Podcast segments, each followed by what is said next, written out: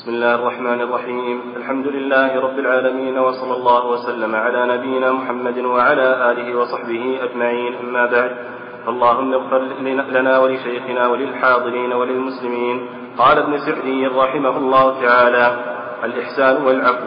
كم في كتاب الله من الحث على الإحسان إلى الخلق وأن الله يحب المحسنين ويجزيهم الحسنى على إحسانهم ويأمر بالعفو والصفح عن الزلات والإساءات. وأن ذلك من أعظم الحسنات فالإحسان هو بذل المعروف القولي والفعلي والمالي إلى الخلق فأعظم الإحسان تعليم الجاهلين وإرشاد الضالين والنصيحة لجميع العالمين. ومن الإحسان إعانة المحتاجين وإغاثة الملهوفين وإزالة ضرر المضطرين ومساعدة ذوي الحوائج على حوائجهم وبذل الجاه والشفاعة للناس في الأمور والشفاعة للناس في الأمور التي تنفعهم ومن الإحسان المالي جميع الصدقات المالية سواء كانت على المحتاجين أو على المشاريع الدينية العام نفعها ومن الإحسان الهدايا والهبات للأغنياء والفقراء خصوصا للأقارب والجيران ومن لهم حق على الإحسان من صاحب ومعامل وغيرهم ومن أعظم أنواع الإحسان العفو عن المخطئين المسيئين والإرضاء عن زلاتهم والعفو عن هفواتهم وللإحسان بوجوهه كلها فوائد لا تحصى منها حصول محبة الله للمحسنين الذي التي هي أعلى ما يناله العبد. ومنها حصول الجزاء الكامل. قال تعالى للذين أحسنوا الحسنى. وقال هل جزاء الإحسان إلا الإحسان. فالجزاء من جنس العمل. فكما أحسنوا فكما أحسنوا إلى عباد الله أحسن الله إليهم وأعطاهم أفضل ما يعطي أولياءه من الجزاء الأوفى الأكمل. ومنها أن هذا من أكبر أسباب محبة الخلق له. من وصل إليه إحسانه ومن لم يصل إليه. وثناؤهم عليه وكثرة أدعيتهم له وذلك من الأمور المتنافس فيها ومنها أنه يستفيد بذلك سرور القلب وراحته وطمأنينته لا سيما إحسان العفو فإنه إذا عفا عمن ظلمه وأساء إليه زال أثر ذلك عن قلبه وعلم أنه اكتسب عن ذلك من ربه أفضل جزاء وأعظم ثواب وأيضا فمن عفا عن عباد الله عفى الله عنه ومن سمح عنهم سامحه الله ومن أفضل الإحسان الذي يتمكن به الموفق, الموفق من معاملة الناس على اختلاف طبقاتهم البشاشة وحسن الخلق معهم ومعاشرتهم باللطف والكرم وإبداء كل ما يقدر عليه من إدخال السرور عليهم وخصوصا الأقارب والأصحاب ونحوهم ممن يتأكد حقهم على العبد وأن العبد ليدرك بحسن خلقه درجة الصائم القائم. عقد المصنف رحمه الله تعالى ترجمة أخرى تندرج فيما قصده من إبداء الآداب الفاضلة والأخلاق الكاملة المذكورة في القرآن الكريم. فترجم بقوله الإحسان والعفو. ثم منزلة للمحسن. وهو لا يرتجي بهذا الإحسان تلك المنزلة لأن الأعمال لا تحصل إلا بالإخلاص.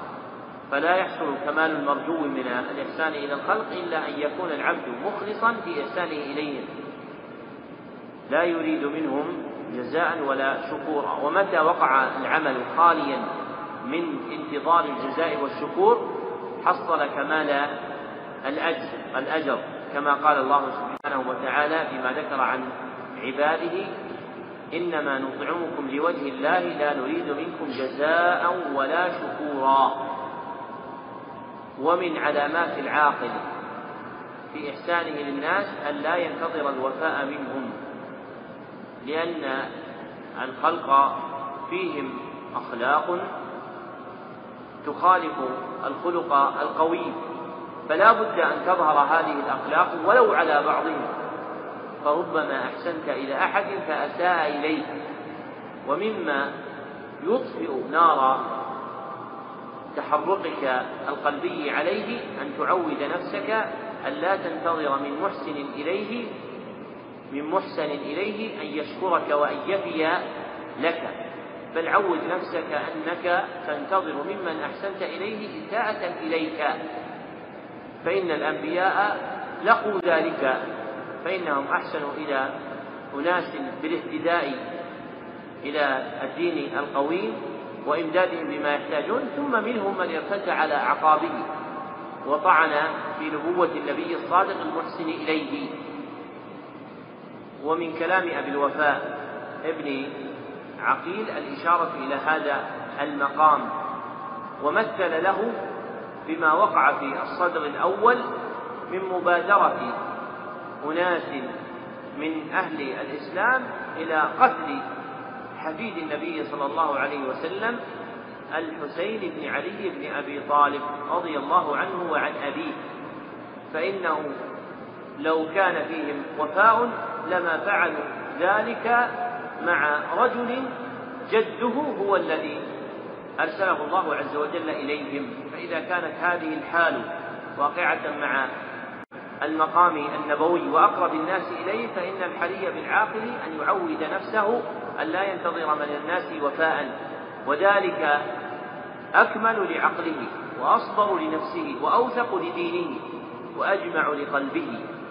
وأما إن كان المرء لا يحسن إلا وهو يطلب رجوع إحسانه ولا ينتظر من الناس إساءة فإنه يحصل له من النكدات والنغصات وتمزيق القلب وتشتيت الشمل ما يضيع كثيرا من عمره. وربما إن لم تكن أنت قد رأيت متوجعا متفجعا من حال من أحسن إليه فأساء إليه. ولو أن الإنسان عود نفسه على أن لا ينتظر الوفاء وإنما يرجو من الله الجزاء لكان قلبه مطمئنا وكانت نفسه ساكنة. ثم ذكر رحمه الله تعالى من فوائد الإحسان أنه يستفيد بذلك سرور القلب وراحته وطمأنينته لا سيما إحسان العفو. فإنه إذا عفى عن من ظلمه وأساء إليه زال أثر ذلك عن قلبه وعلم أنه اكتسب عن ذلك من ربه أفضل جزاء وأعظم ثواب. فالذي يبذل الإحسان للناس يسر قلبه ويرتاح ويطمئن فإنه يحدث له أثرا قلبيا لما في الإحسان من عمل الخير. والله عز وجل يقول وهل جزاء الإحسان إلا الإحسان؟ فمن أحسن إلى الخلق فإن الله عز وجل يحسن إليه. قال أبو العباس بن تيمية الحبيب إذا عملت لله طاعة فلن تجد لها أثرا فاتهم نفسك فإن الرب شكور. إذا عملت لله طاعة فلم تجد لها أثرا فاتهم نفسك فإن الرب شكور. ذكره ابن القيم في مدارج السالكين. ومن آثار الإحسان إلى الخلق أن يجد الإنسان في قلبه سرورا وراحة وطمأنينة ولا سيما إذا كان إحسانا بالعفو عمن ظلمه. فإنه يزول عن قلبه الحزن والظلمة التي اكتنفته لما بلغته إساءته. فلما عفى عنه وصفح وسامح تحدث له هذه الحال من سرور القلب وراحته وطمأنينته. فإذا زاد المرء على العفو بأن يدعو لمن أساء إليه فذلك غاية الفرح والسرور وأعظم حصول اللذات القلبية عند العفو عن المسيئين لأن الداعي لهم بالخير يشهد قلبه حال التبرؤ من إرادة أي مقصد من مقاصد الدنيا وأنه لا يريد لهم إلا النفع في الدارين.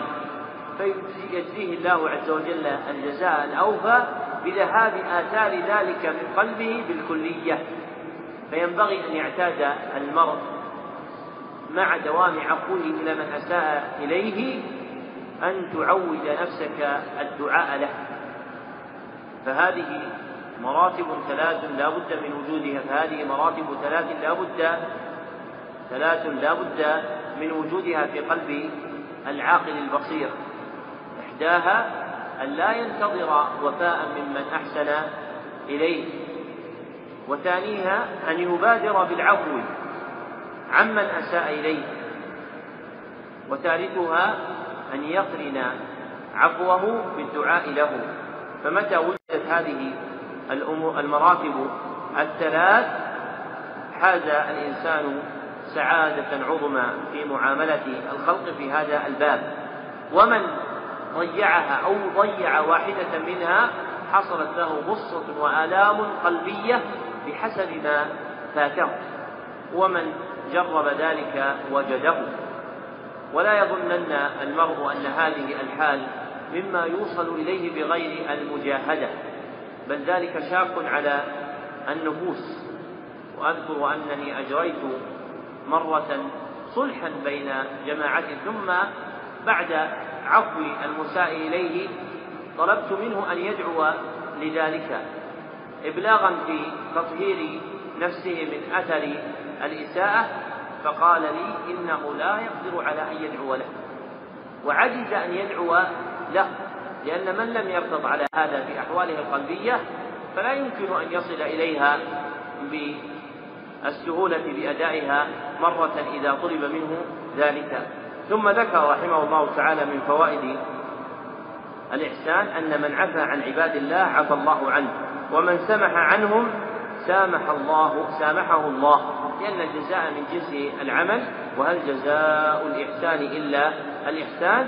ومن يسر على محسن يسر الله عليه وكذلك من عفى عن مسيء عفى الله سبحانه وتعالى عنه. ثم قال المصنف ومن أفضل الإحسان الذي يتمكن به الموفق الذي وفقه الله من معاملة الناس على اختلاف طبقاتهم البشاشة أي التبسم إليهم وحسن الخلق معهم ومعاشرتهم باللطف أي بالرفق والتودد فإن اللطف مركب من هذا وهذا والكرم وإبداء كل ما يقدر عليه من إدخال السرور عليهم وخصوصا الأقارب والأصحاب خصوصا الأقارب والأصحاب ونحوهم ممن يتأكد حقهم على العبد. فمتى استعمل الإنسان ذلك؟ فكان بشوشا مع الخلق حسن الخلق مع الخلق معهم معاشرا لهم باللطف والكرم مظهرا كل ما يقدر عليه من إدخال السرور إليهم فإن ذلك من أعظم ما ينال به الدرجة العظمى من الإحسان.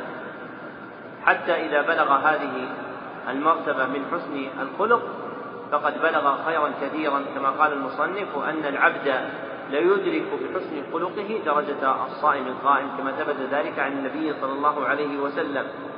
فرب إنسان يصوم ويقوم وآخر ليس له حظ من الصيام وقيام النفل لكنه حسن الخلق في التعامل مع الناس ومعاشرتهم. فيتلطف إليهم ويتودد معهم ويلاقيهم بالبشاشة فيكون جزاؤه أن يبلغ درجة الصائم القائم. وأولى الناس بتحسين أخلاقهم وإصلاح نفوسهم وتكميل آدابهم هم المنتسبون إلى طلب علوم الشريعة. فلا بد أن يكون من أعظم مطالبهم النفسانية من أعظم مطالبهم النفسانية تقويم أخلاقهم وحمل نفوسهم على تحسين الخلق مع الناس لأن العلم الذي تنتسب إليه أكد في دلائل القرآن والسنة على استعمال الخلق الحسن وأن من كان كذلك نال الأجر الأوفى عند الله سبحانه وتعالى ووضع الله سبحانه وتعالى له القبول وجرى على يديه النفع فينبغي أن يتعاهد المرء نفسه بإمدادها بالأخلاق الفاضلة وتطهيرها من الأخلاق السيئة وإن المرء لا يولد فاضلا وإنما على قدر ترقيته نفسه في الأخلاق يترقى. ففي الصحيحين من حديث أبي سعيد الخدري رضي الله عنه أن النبي صلى الله عليه وسلم قال من يتصبر يصبره الله. فمن يجاهد نفسه في الترقي في الأخلاق الفاضلة فإنه يصل إليها فينبغي أن يعود المرء نفسه حسن الخلق والبشاشة مع الخلق واللطف معهم والإحسان إليهم والكرم في معاملتهم والصبر عليهم وعدم استعمال الأخلاق السيئة. ثم يكرر هذا الأمر على نفسه قولا وفعلا وإن بدت منه زلة بادرها لوم نفسه وتعنيفها وردها إلى الخلق القويم فلو قدر أن إنسانا غضب فلتة مرة فإنه لا ينبغي فقط أن يتعوذ من الشيطان الرجيم وإنما ينبغي له زيادة عن التعوذ أن يلوم نفسه على صدور الغضب منه. فإن النبي صلى الله عليه وسلم كما في الصحيح لما التمس منه رجل الوصية قال لا تغضب فكرر مرارا فقال لا تغضب. فينبغي إذا وقع من الإنسان فتة غضب أن يتعوذ من الشيطان بعد ذهاب موجبها ثم يلوم نفسه ثم يلوم نفسه على مبادرته بالرد بتلك الفلتة من الغضب. فإنه إذا اعتاد لوم نفسه طهرها. فإن اللوم لها بمنزلة الغسيل للنجاسة الظاهرة. وهذا آخر البيان على هذه الجملة من الكتاب. وبالله التوفيق والحمد لله رب العالمين. صلى الله وسلم على عبده ورسوله محمد وآله وصحبه أجمعين.